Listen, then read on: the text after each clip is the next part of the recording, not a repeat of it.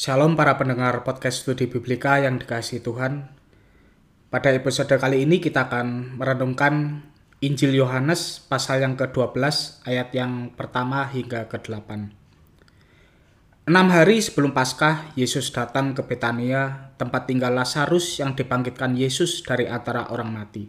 Di situ diadakan perjamuan untuk dia dan Marta melayani, sedang salah seorang yang turut makan dengan Yesus adalah Lazarus. Maka Maria mengambil setengah kati minyak narwastu murni yang mahal harganya, lalu meminyaki kaki Yesus dan menyekanya dengan rambutnya, dan bau minyak semerbak di seluruh rumah itu. Tetapi Yudas Iskariot, seorang dari murid-murid Yesus yang akan segera menyerahkan dia, berkata, Mengapa minyak narwastu ini tidak dijual 300 dinar dan uangnya diberikan kepada orang-orang miskin? Hal itu dikatakannya bukan karena ia memperhatikan nasib orang-orang miskin, melainkan karena ia adalah seorang pencuri.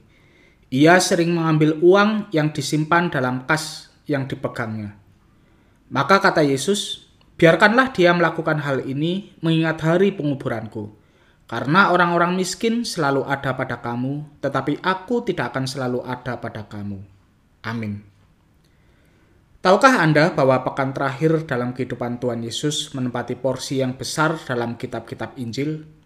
Narasi tersebut diceritakan dalam Matius pasal 21 sampai 28 atau 33% dari Injil Matius, di dalam Markus pasal 11 sampai 16 atau 40% dari Injil Markus, di dalam kitab Lukas pasal 19 sampai 24 atau 25% dari Injil Lukas dan kitab Yohanes pasal 12 sampai 21 atau 50% dari Injil Yohanes.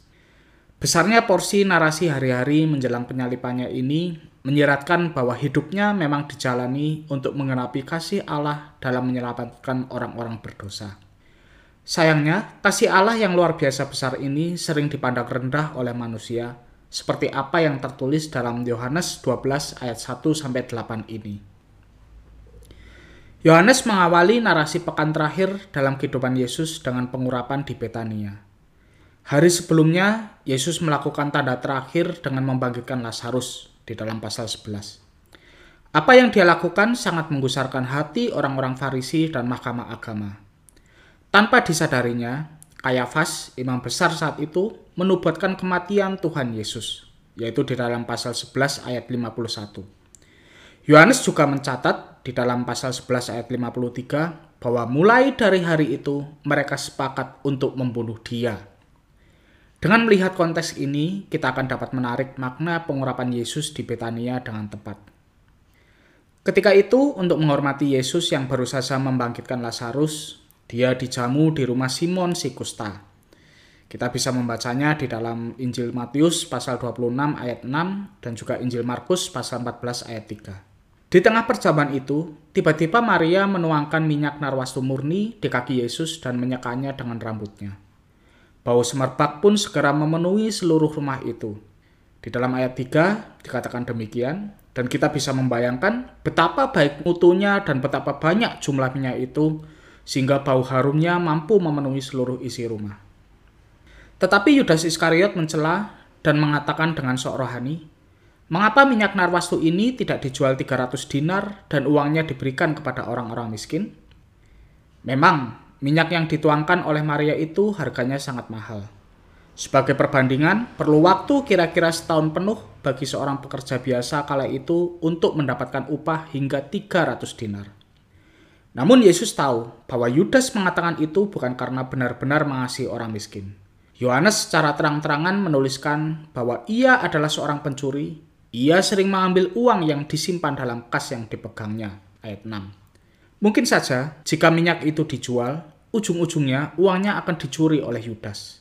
Maka Yesus pun tetap membiarkan Maria terus melakukan pengurapan itu. Dari narasi ini kita tahu bahwa Yudas adalah orang yang sangat keduniawian. Pikirannya hanya dipenuhi dengan uang, uang, dan uang.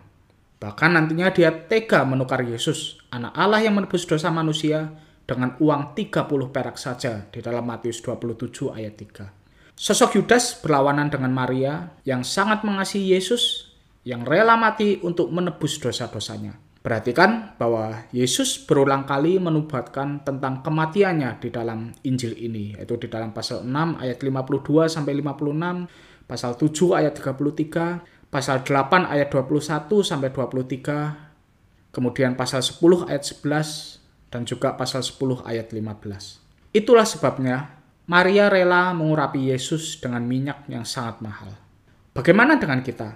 Apakah kita masih mencintai dunia dalam mengikuti Yesus atau benar-benar mengasihinya sehingga rela menempatkannya jauh lebih bernilai dibanding apa pun di dunia ini.